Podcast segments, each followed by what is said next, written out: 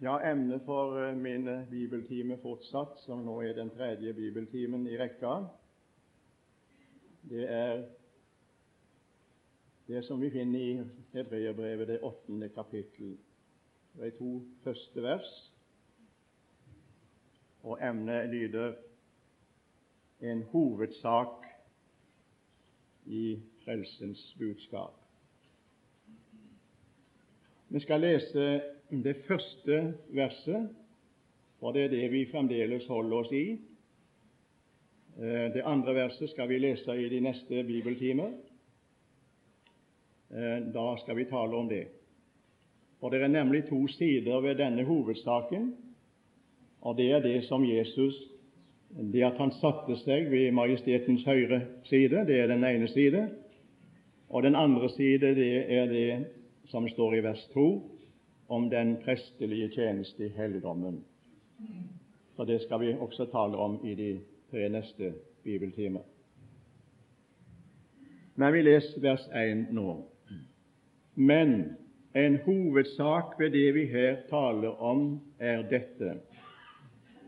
Vi har en slik, en sådan, heter det i en gammel oversettelse. Vi har en sådan, en slik, over ypperste prest, som satte seg ved høyre side av Majestetens trone i himlene. La oss be. Herre Jesus, vi vil takke deg for vi skal få lov til å se deg slik. Og Herre, nå vil vi be om at du ved Din Hellige Ånd vil gjennom ordet og det jeg skal si nå, vise deg for oss. Gi oss troens klare blikk på Jesus så vi ser deg, Jesus. For vi vet at når vi får et blikk på deg, da bleikner alt det andre. Herre, la nå det som er hovedsaken i himmelen, bli hovedsaken i denne forsamling og i våre enkeltes hjerter. Jeg vil jeg be deg om. Velsign du ordet ditt nå, Herre. Tal til oss, og bruk også meg, om du kan, til å formidle noe av denne velsignelse. Amen. Vi talte i forrige bibeltime om eh, det første da og sa det at hovedsaken ligger i det at vi har en slik ypperste prest som satte seg. Eh, nevnte, jeg nevnte det forrige gang at eh, det kunne ikke sies i den gamle pakt. Aldri kunne det hende det at ypperste presten satte seg i helligdommen. Han var ikke ferdig. Han måtte stadig ut, inn, ut, inn og på nytt og på nytt igjen bære fram de samme offer. Men om Jesus står det det at han satte seg ved Majestetens høyre hånd i det høye. Så her er det da en annen sak som vi talte om i går også. Det er det at det var Gud som satte han der. Det Han satte seg, det står flere plasser at han satte seg ved Majestetens, ved Faderens høyre side. Jesus sa det til jødene også, dere skal se menneskesønnen sitte ved kraftens høyre hånd og komme i himmelens skyer. Og Når han gikk tilbake til himmelen, til Faderen fra Oljeberget, så står det også det i Lukas, det 24. kapittel, er det vel det heter. Der heter det det at han eh, for opp til himmelen og satte seg ved Faderens høyre side. Men eh, som jeg nevnte i går, så er det salmisten David i Salme 110 han hører at Gud sier det til Sønnen.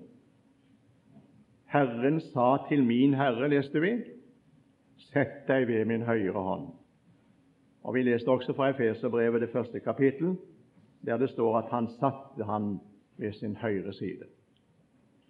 Og Derfor står vi det klart og tydelig. Da ligger det i dette, kjære venner, at Gud er fornøyd med det som er skjedd med Jesus. Det er det som ligger i selve hovedsaken. Og Jeg må gjerne få si det her at det, det som er hovedsaken i frelsesspørsmålet, det er at vi har en Gud som er forsona. Det er ikke om jeg forstår dette som er det avgjørende. Det er ikke om, om jeg kan fatte dette og føle dette og kjenne dette subjektivt, men vite at det er objektiv sannhet. Og på den objektive sannhetens grunn kan jeg få lov å kjenne det også subjektiv virkning i mitt liv når jeg tar imot det. Det går ikke an, venner, på noen annen måte. Det er slik det foregår i Guds rike. De så opp til ham, står det i Salme 34.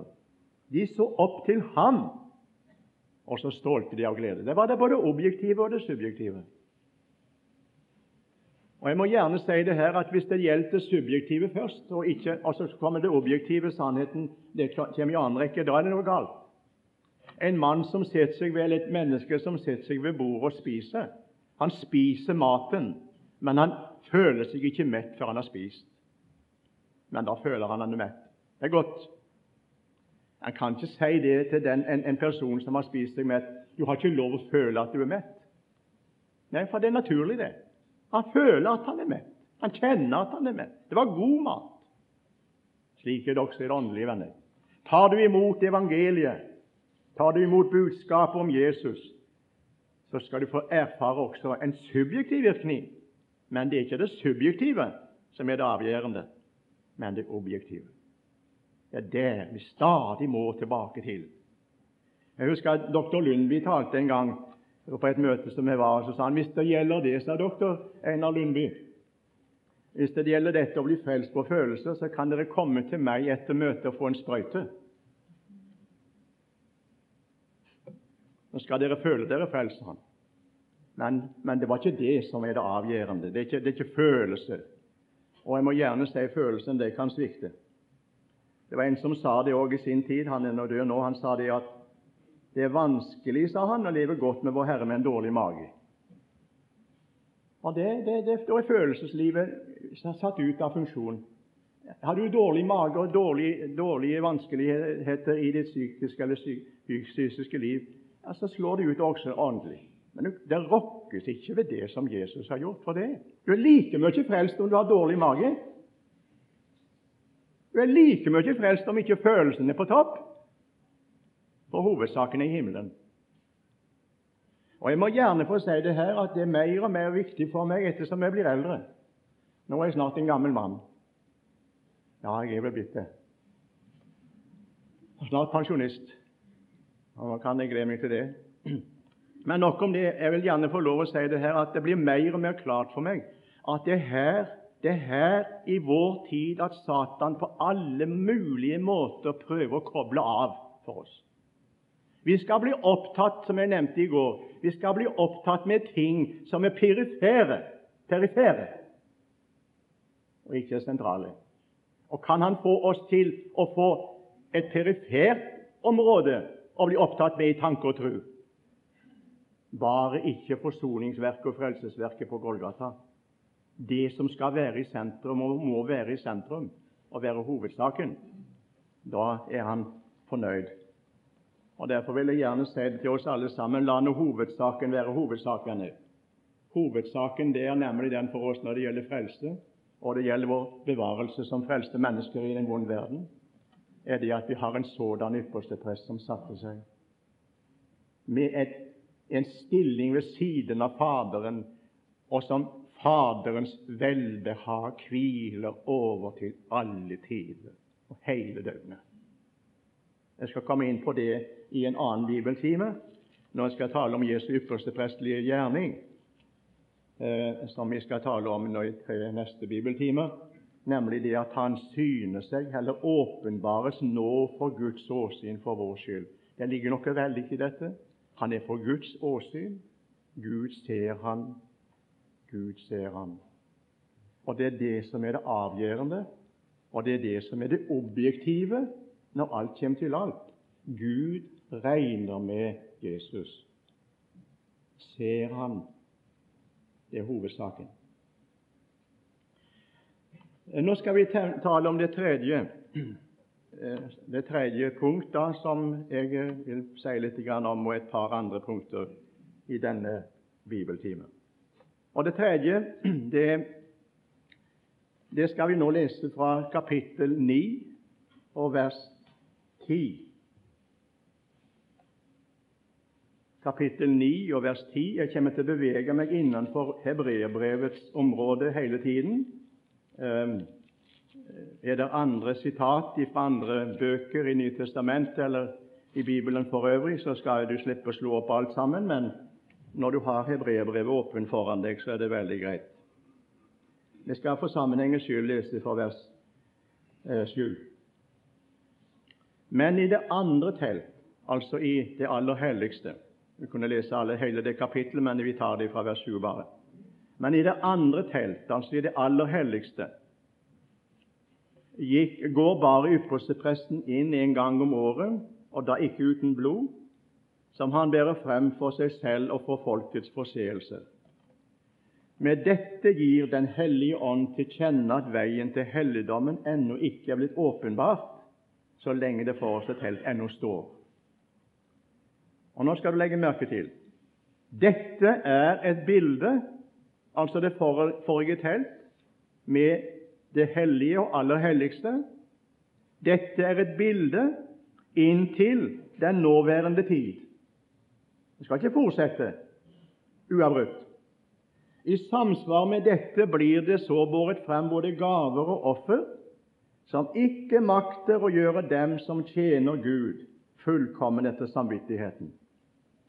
Sammen med bud om mat og drikke og forskjellige renselsesbad er dette kjødelige forskrifter som er pålagt inntil den tid da alt skulle settes i rette skikk. Det er det uttrykket jeg hadde lyst til å si litt om nå her. At Kristus sitter ved Faderens høyre side, ved Majestetens høyre side i himmelen, forkynner for oss, kjære venner, at nå er alt kommet i rette skikk. Hørte du det? Nå er det kommet i rette skikk. Altså, I den gamle pakt var det ikke kommet i rette skikk. Det var bare forbilder, det var bilder, inntil den nåværende tid. Nå er altså saken kommet i rette skikk. Nå er det ja, kan jeg bare få si det slik nå er det nådd fullendelsen på det settet at nå skal det ikke på noen måte tilbake igjen til det gamle. Og Det var det som var faren med hebreerne. Og Vi skulle sagt litt om det også, men jeg har ikke så veldig god tid til det. Men det var det som var faren med hebreerne. Når du leser hebreerbrevet, eh, hebreerbrevet her, skal du legge merke til at disse judaister som kom inn i hebreermenigheten, de var i galatermenigheten. Og I galatermenigheten sa judaistene kan ikke si, tale mer om dem. Det var noen som kom ut fra modermenigheten i Jerusalem, og som hadde Jakob, Jesu bror, som som sin store favoritt. Og de var judaister som sa det er ikke nok med det som Jesus har gjort, du må også holde loven. Det sa de. Det er ikke nok med det som Moses Kristus må komme i tillegg. Kristus og Moses. Kristus pluss Moses. Det er ikke nok med det at du har sagt ja til Jesus, det er riktig, det, men du må også omskjæres og bli jøde. Det talte de om. Men når det gjaldt judaistene sitt forhold til hebreerne, da snudde de kåpa på en annen måte og snudde eh, sannheten på en annen side. Og så sa de det er jo greit nok dette med Jesu død og alt det han har gjort, men helligdommen, gudstjenesten, gudstjenesteritualene, alt det der som hadde med lovens gudstjenesteforordning å gjøre, det er veldig verdifullt. Og så fikk de eh, hebreerne til å vende seg fra kristendom til jødedom igjen. Og Det var det som er det alvorlige med det. De vendte seg vekk fra selve offeret som er brakt på Golgata av Jesus, til forbildene som var i den gamle pakt, gudstjenestevesen. Og Det er det som er det alvorlige også i våre dager. det er det at vi har, og, og det, Jeg tror jeg vil gjerne få lov å si det her, at det sporer av på det feltet der at en taler mer om, som jeg nevnte i forrige bibeltime, en taler mer om det, det subjektive med kristenlivet og kristendom enn en taler om den objektive grunnlag. Og det er det veldig alvorlige. Da blir, da blir hovedsaken noe helt annet. Da fokuseres det på en helt annen et annet område enn det skal være ifølge Skriften. Når Kristus ikke er i sentrum, venner, så blir det feil. Da blir det ikke brukbart, det sykkelhjulet. Hvis navet er ti centimeter innenfor felgen Ja, vi har jo Jesus med. Det er jo Jesus som blir forkynt. Jeg vil gjerne si det her at hvis ikke Jesus blir forkynt som hovedsak, og Jesus i sentrum, ja, så blir det lite hjelp i om du forkynner bare at han er med innenfor sirkelen. For han må få være der i sentrum både av frelse, i helliggjørelsesspørsmålet, i rettferdiggjørelsesspørsmålet, i tjenerspørsmålet, i livet med Gud, og alt sammen må han få være det han skal være. Han er nemlig sentrum for det hele. Eh, når, eh, når det gjelder hebreerne, så skal jeg ikke si mer om det, men, eh, men det, det, er veldig å, å, understreke dette her, venner, at nå er saken kommet i rette skikk. Og Nå skal jeg nevne noen få ting i forbindelse med det i denne vesle bibeltimen i dag. For det første så er den jordiske helligdom borte. Den trenges ikke lenger.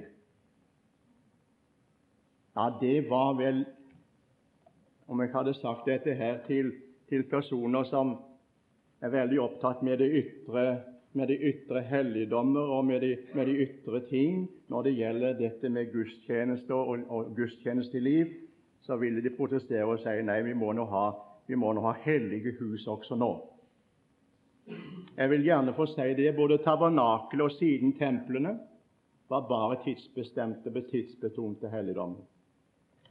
Det var gjort med hender av denne skapning Derfor var de forbilledlige hus. Og Nå vil jeg si noe som jeg virkelig jeg, har, jeg, jeg må si det at det, det, det, er veldig viktig for meg å understreke. Nå er det ikke noe jordisk hus som er mer hellig enn andre.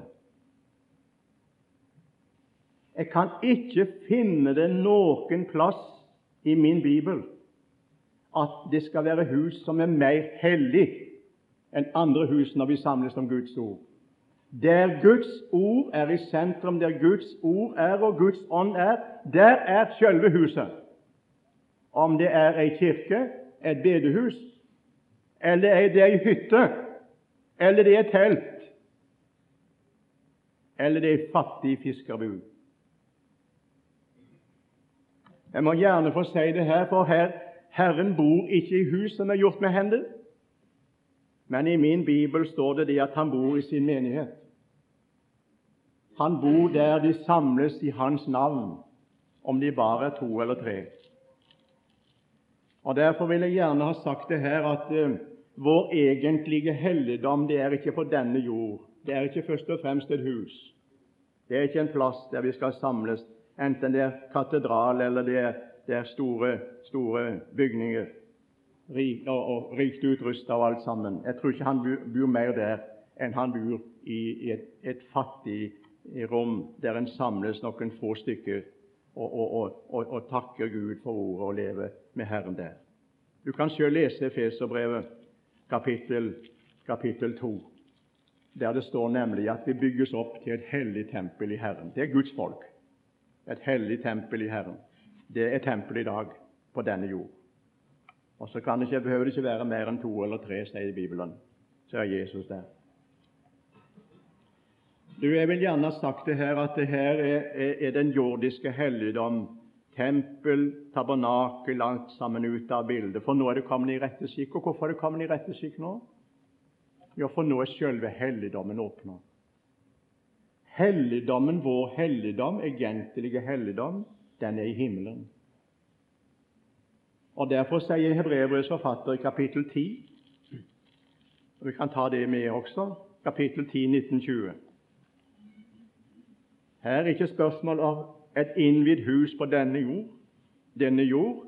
Her er ikke spørsmål om en bygning, en, en, en, en utsmykka, rikt utsmykka bygning, eller hva det måtte være. Er ikke mer hellig det enn en, en plass der der vi samles om Guds ord og Guds ånd er til stede. Men når det gjelder den egentlige helligdommen som vi har, så appellerer Hebreerbrevets forfatter klart og tydelig i kapittel 10 om det. Og så sier han, brødre, vi har altså i Jesu blod frimodighet til å gå inn i helligdommen. Til den har Han innviet for oss en ny og levende vei gjennom forhenget der Han skjøt. Og vi har en stor prest over Guds hus, og la oss da tre frem med sannferdige hjerte, i troens fulle visshet, med hjertet renset fra en vond samvittighet og med legeme badet i rent vann. Vi har en helligdom i himmelen, sier han. Vi har frimodighet i Jesu blod til å gå inn der.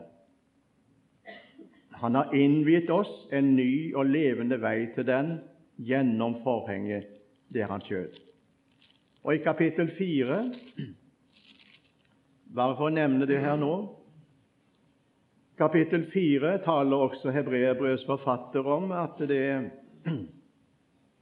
det er der vi skal få lov å komme med frimodighet. Kapittel 4, vers 14-16. Da vi nå har så stor en ypperste prest som er gått gjennom himlene, Jesus Guds sønn, så la oss holde fast ved bekjennelsen. For vi har ikke en ypperste prest som ikke kan ha medlidenhet med oss i vår svakhet, men en som er prøvet i alt, i likhet med oss, men uten synd. La oss derfor med frimodighet tre fram for nådens trone, for at de kan få miskunn og finne nåde til hjelp i rette tid. Ja, jeg tror jeg vil gjerne understreke dette at vår egentlige helligdom, det er i himmelen. Det er der nådestolen er i dag. Nådestolen i Kristi Jesu blod. Og det er ved nådens trone, som er evangeliet om Jesus, vi skal få lov å komme med frimodighet framfor nådens trone for å få miskunn og finne nåde til hjelp i rette tid. Kjære venner, La oss gå inn i helligdommen, da. Blodet er båret inn. Og innenfor forhenget som er Jesu Kristi kjøtt, sier apostelen Forhenget i tempelet, vet du, det rivna når Jesus dør på korset. Forhenget i tempelet var halvannen tomme tjukt. Og det var av tvunnen lingarn, heter det i historieskriver Josefus sin beretning om det. Han sier det at forhenget i tempelet var så sterkt han, at det var av trondelig inngang at hvis to okser ble spent i hver sin ende, kunne de slite det sånt. Når Jesus anda ut på Golgata kors du vet, Det var forhenget både i tabernaklet og i tempelet. Når Jesus anda ut på Golgata kors etter å ha sagt det er fullbrakt, så rivna forhenget i tempelet ovenfra og ned. Og Nå er det åpent. Nå er det ikke to rom lenger. Nå er helligdommen åpen. Og vi har frimodighet for Jesu blod er båren inn en gang for alltid. Nå har vi frimodighet til å gå inn i helligdommen, og vi skal med frimodighet komme fram for nådens trone for å få miskunn og finne nåde til hjelp i rette tid. Det skal vi gjøre her. Men saken helligdommen vår, den egentlige helligdom som vi får lov å tilhøre, den er i himmelen. Og der skal vi få lov å komme fram en dag og få gå inn fullkommen rein. Vel, det var det første. Det andre jeg vil understreke her nå, det er det at nå er alt kommet i rette skikk på det måte også at det trenges ikke noen jordisk mellommann lenger. Vi trenger ikke noen jordisk mellommann, for alt er kommet i rette skikk, og nå er den rette mellommannen kommet på plass. Hørte du det? Yppersteprestene var mellommenn mellom Gud og folket. Mellom Gud og et syndig folk var Aron yppersteprest. Og de andre. Det var yppersteprester mellom Gud og folket. Nå står det i Bibelen at Jesus kom som mellommann. Han er mellommannen. Og nå skal vi gå til, til Hebreerbrevet igjen, det niende kapittel og det femtende vers. Så nå er det ikke noe mellommann her på jord som vi trenger mellom oss og Gud. For Kristus er mellommannen som sitter ved Faderens høyestetens side. Han er mellommannen Derfor står det slik i vers 15.: Derfor er han mellommann, og derfor går det tilbake til det han har gjort fra vers 11 og utover. Men da Kristus kom som ypperste prest for de goder som skulle komme, gikk han gjennom det telt som er større og mer fullkomment, som ikke er gjort med hender, dvs. Si, som ikke er av denne skapning, ikke med blod av bukker og kalver, men med sitt eget blod gikk han inn i helligdommen en gang for alle og fant en evig forløsning. For så sant blodet av bukker og okser og asken av en kvige helliger til kjødets renhet når det blir stenket på den som er urene, hvor meget mere skal da Kristi blod, som i kraft av en evig ånd bar seg selv frem for Gud som et lyteløst offer, rense vår samvittighet fra døde gjerninger, så vi kan tjene den levende Gud. Derfor er han mellommann for en ny pakt, for at de som er kalt, skal få den evige arv som var lovt, etter at det har funnet et sted, funnet sted en død til forløsning fra overtredelsene under den første pakt. Vi har en mellommann, Kristus, er mellommann mellom Gud og mennesket. Og Vi kan også se det som Paulus skriver til Timoteus i det første brev og andre kapittel. Der bruker han også det uttrykket der. I det andre kapittelet i første Timoteus brev Jeg kan gjerne slå det opp. Så Her sitter mellommannen, han som vi får lov å, å ha som vår mellommann, som tar på seg vår sak. En annen plass i Skriften heter det, det at han er, en, han er talsmann. Det skal jeg komme tilbake til senere i en annen bibeltime. Talsmann hos Faderen i 1. Timoteus 2, vers 5 og 6. For det er én Gud og én mellommann mellom Gud og menneske, mennesket Kristus Jesus. Og så står det hva han har gjort. Han som gav seg selv til en løsepeng for alle, et vitnesbyrd i sin tid. Og Så legger apostelen til, og så sier han, for dette ble jeg satt til forkynner apostel. Det er ikke noen plass i Skriften at det, at det, er, det, det tales om, eller bestemt og talt om, at vi her på jorden skal ha en mellommann. Det er ikke noen sted i Skriften der det tales om at det er et menneske som skal komme i forhold til oss, som skal representere oss for Gud. Vi har ingen mellommann på jorden, men vi har en fullkommen mellommann i himmelen. Kjære venner, det er Han. Så nå er det kommet i rette skikk. Helt totalt i rette skikk, slik Gud hadde bestemt det. Og Nå er det om å gjøre for oss da, kjære venner, at vi, at vi aksepterer dette. Jeg pleier å si det slik når jeg forkynner dette. Nå må du komme på bølgelengde med Gud.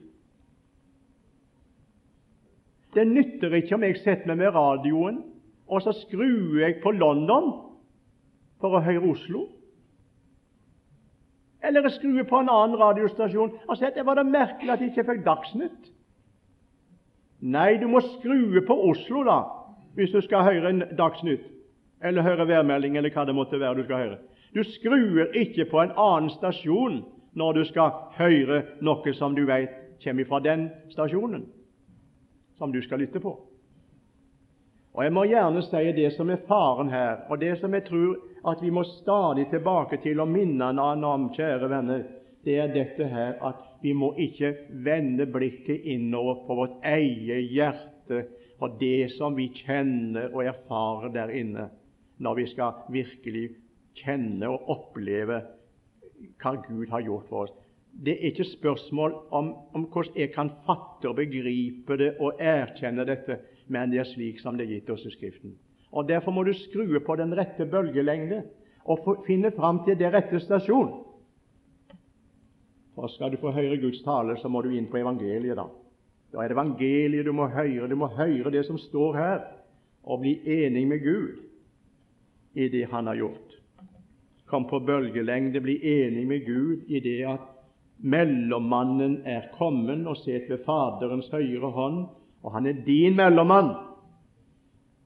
Om ikke du fullt og helt kan presentere han, kan han presentere deg for Gud. Ja, det gjør han. Han er din mellommann. Ja, det står også i, i det niende kapittel og 15. vers i det 7. kapittel og 22. vers er det vel det står. 7. kapittel og 22. vers. Der heter det også eh, Der brukes et uttrykk, et uttrykk ikke mellommann for en ny pakt, men der, der brukes uttrykket en borgsmann. 7. kapittel og 22. vers. Derfor er det også en så meget bedre pakt enn som Jesus er blitt borgsmann for. Og så langt jeg kan forstå eh, uttrykket borgsmann Jeg har ikke, jeg har ikke fullt uh, fått sett i, i, i, grunntekst hva det egentlig betyr, da, men jeg tror det, det ligger noe i dette at det, det, er en garanti. En garantist.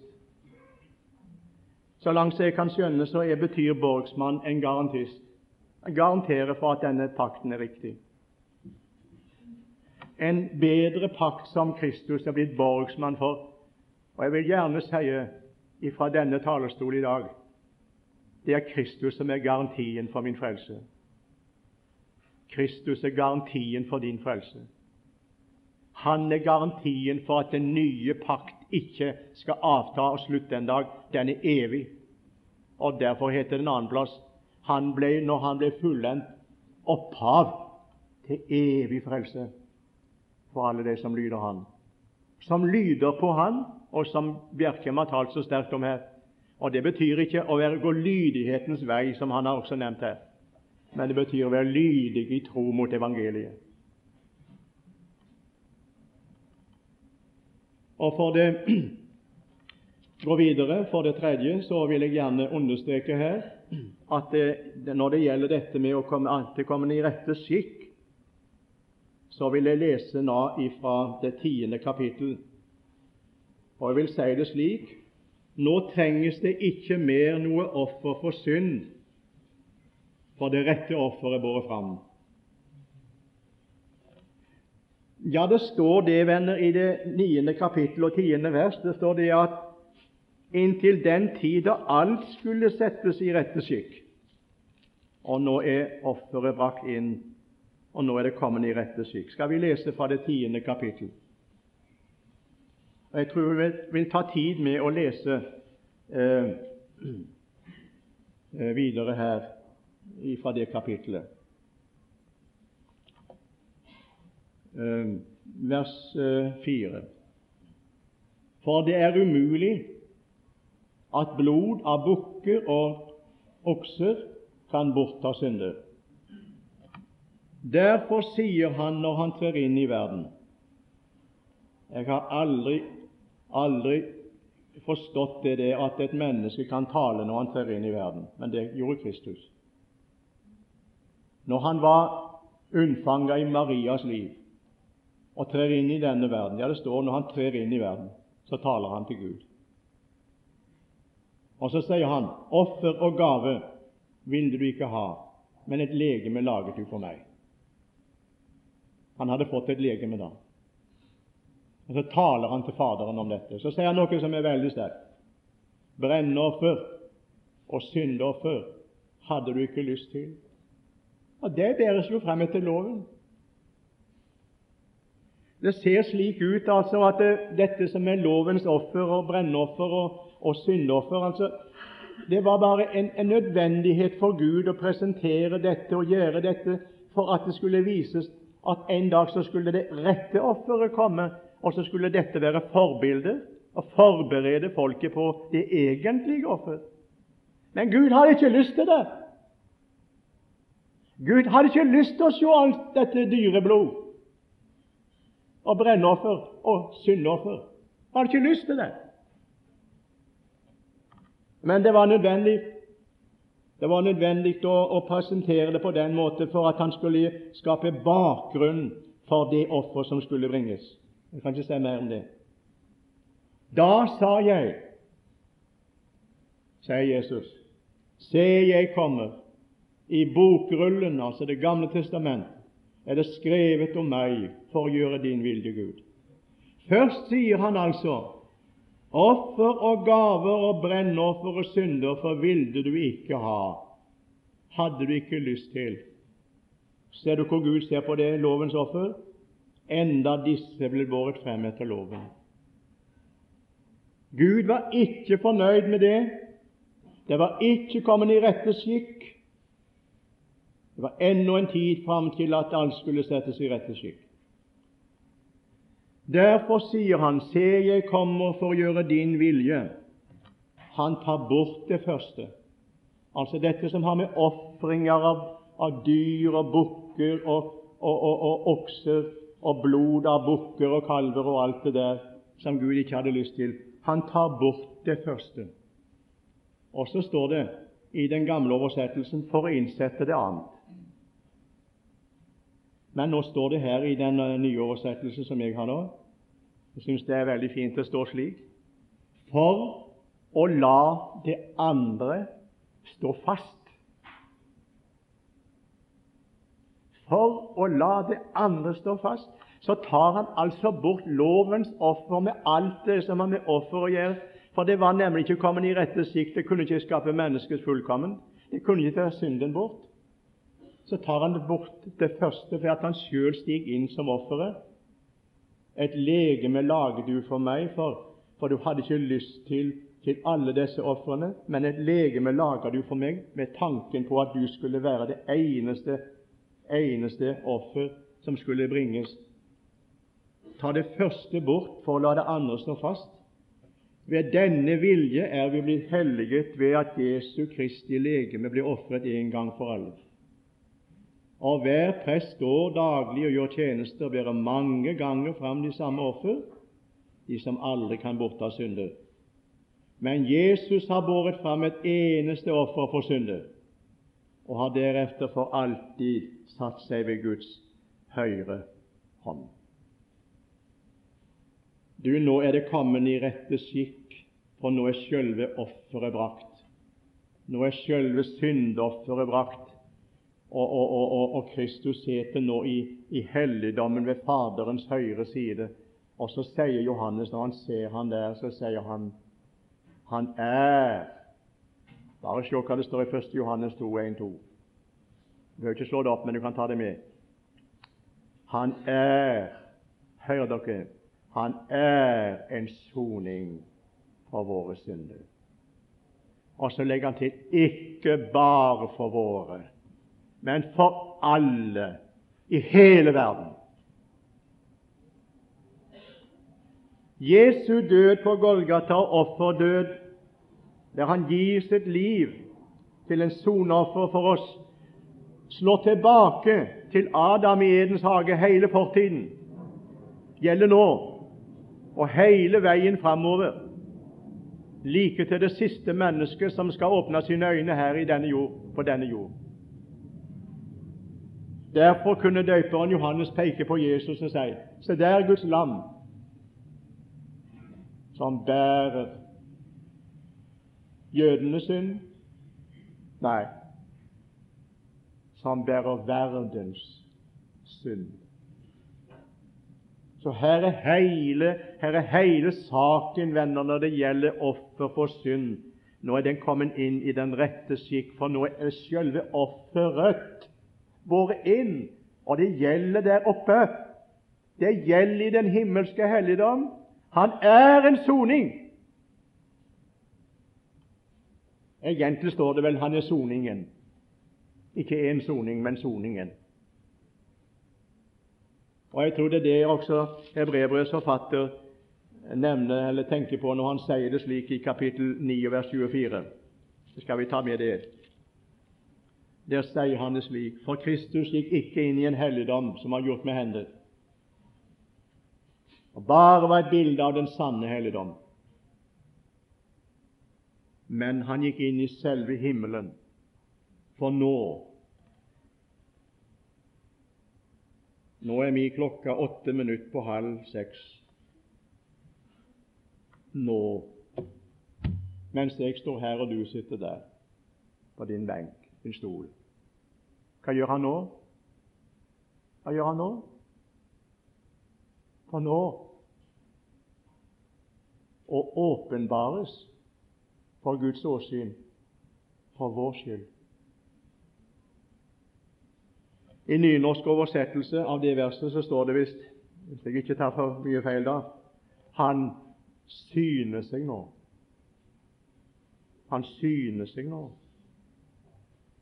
Jeg tror det ligger i dette at han viser hele altså Hans person der han sitter ved Faderens høyre hånd, er garantien, kvitteringen, for at all synd er sona. Faderen ser han, hans øyne hviler på han, han er for Guds åsyn, og Gud ser han og sier, 'Jeg er fornøyd med alt det du gjorde. Det gjelder her, og det gjelder nå.' Han er en soning for våre synder. Og Jeg må gjerne få gå til Hebreabrevet 1 og vers 3. Det var sagt litt om det i forrige bibeltime her. Og på grunn av dette, kjære venner, på grunn av det at, eh, at offeret offer er båret fram, så trenges det ikke noe offer for synder lenger. Derfor ble det lest i formiddag. Er det tilgivelse eller forlatelse for synder, så trenges det ikke lenger noe offer. Nå skal du høre hva det står i Hebreerbrevet 1, vers 3. Han, står det om Jesus, er avglansen av Hans herlighet og avbildet av Hans vesen. Altså Slik du, så, du ser Jesus i hans jord, jordeliv, er han avglansen av Guds herlighet. Han er avbildet av Hans vesen. Og han bærer alle ting ved sin krafts ord. Etter at han hadde, legg merke til, etter at han hadde fullført renselsen for våre synder. Det var det han gjorde på Golgata. Han gjorde renselse for dine synder. Han gjorde renselse for mine synder. Og etter han hadde gjort det, satte han seg ved majestetens høyre hånd i det høye. Så nå er det nemlig gyldig der oppe. Han har gjort renselse. Og Vi leste også fra kapittel 9 tidligere her, der det lyder nemlig at han gikk inn ikke i en jordisk helligdom, men han gikk inn i himmelen, og så fant han en evig forløsning. Han fant, ikke vant, han fant en evig forløsning. Det var allerede ordna når Jesus hang på Golgata kors. Så åpner Gud forhenget, revner Gud forhenget, åpner himmelen og når Kristus kommer inn og setter seg ved Faderens høyre side, ja, så fant han at forløsningen allerede var gyldig. Han fant en evig forløsning. Gud hadde, hadde ordna det før ved hans død på Golgata. Jeg skal bare nå til slutt få, få sitere for deg, eller ta med Efeserbrevet 4.32. Efeserbrevet 4,32. Vi kan ikke tale stort mer for tidens skyld, men eh, det er en et setning der som jeg gjerne vil, eh, vil understreke så sterkt jeg kan. Og Derfor trenges det ikke noe offer lenger for synd.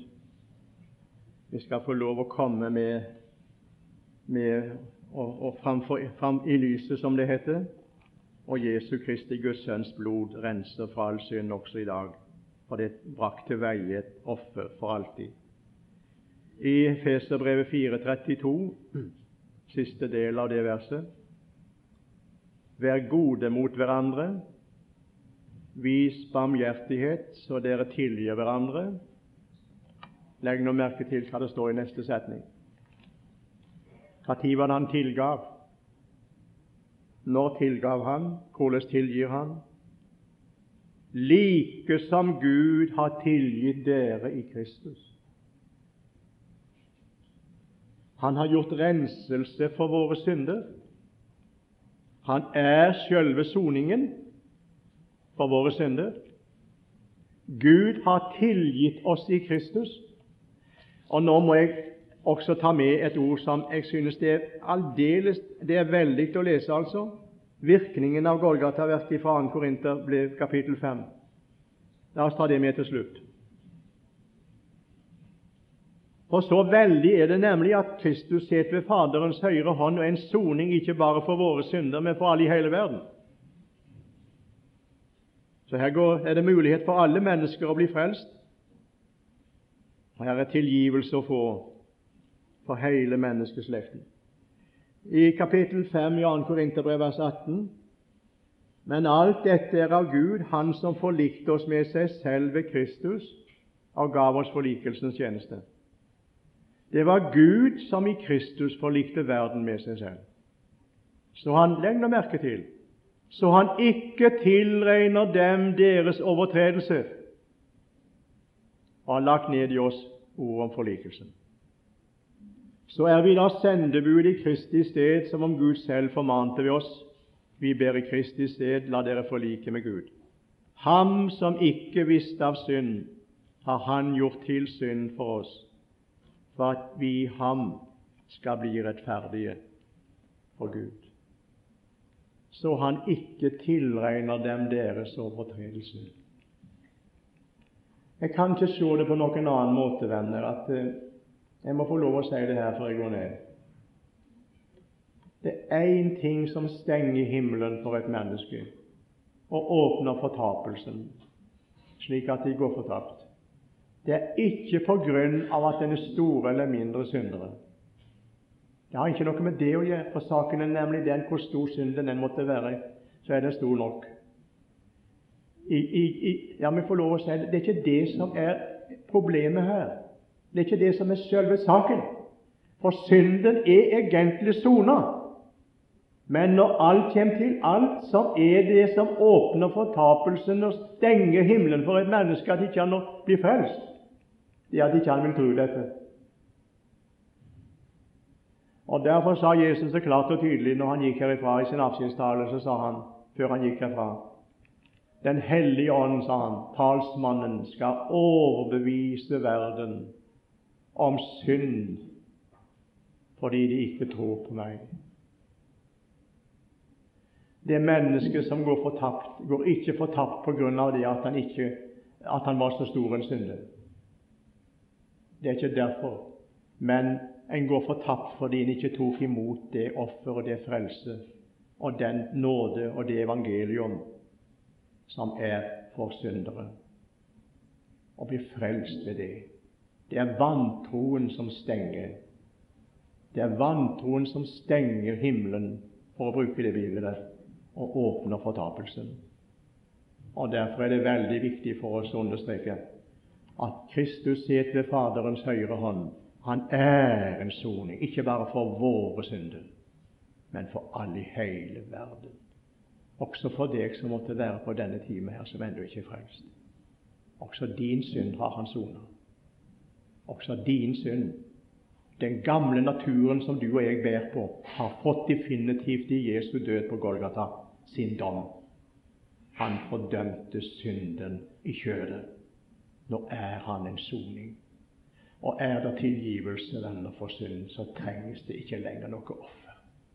Offer er gyldig der oppe. Derfor skal vi få lov å komme som vi er, og ta imot det. Han som ikke visste av synd, ble gjort til synd. Det vil si personifisert med synderen, og synden tok den på seg tok straffen og dommen. Så går jeg og du fri. Det er kommet i rette skikk nå, venner. I himmelen er det i rette skikk. Må det forbli bli i rette skikk også her inne i vårt hjerte. Tar vi imot dette, så kommer vi i rette forhold, også vi. Kjære Jesus. Å nei, å nei, om du kunne få lov å vise oss litt av dette her, vi som har så veldig lett for å bli opptatt med oss sjøl. Vi har blitt så veldig lett for å bli opptatt med vår bekjennelse med vår anger og med vår ruelse og med alt det der. At det skal være så veldig viktig, alt det der. Og det, det er viktige ting, det kan vi godt si her, men det er ikke det avgjørende. Det avgjørende, selve hovedsaken, er ikke min bekjennelse, men i din tilgivelse. Så har du tilgitt oss i Kristus. Har du ofra deg sjøl, Jesus, og så sitter du ved Faderens høyre hånd og er en soning. Takk for nå er det kommet i rette skikk. Herre Jesus, vi lever i den tid der alt er satt i rette skikk. Helligdommen har vi fått i himmelen i dag. Helligdommen er i himmelen, frimodigheten i Jesu blod. Og vi vil takke deg fordi du er talsmannen, du er mellommannen, du er borgsmannen. Vi har deg som vår mellommann, mennesket Kristus Jesus. Takk for nå er det kommet i rette skikk med offeret. Nå skal det ikke bringes flere offer. Heller ikke fra vår side skal det bli noen noe gjerninger eller offer som vi skal bringe for å få tilgivelse. For er det tilgivelse for synder, så trenges det ikke lenger. Og vi priser deg, Jesus, for det. Nå er det gyldig i himmelen, det du gjorde. Det gjelder til evig tid. Og Du velsigne vennene her som lytter til nå. Og la oss få komme virkelig på bølgelengde med deg og bli enige om det at det som er hovedsaken i himmelen, må bli hovedsaken i mitt liv, i mitt hjerte. Vi har en sådan ypperste prest som satte seg i himmelen. Det er hovedsaken. Takk for det. Amen.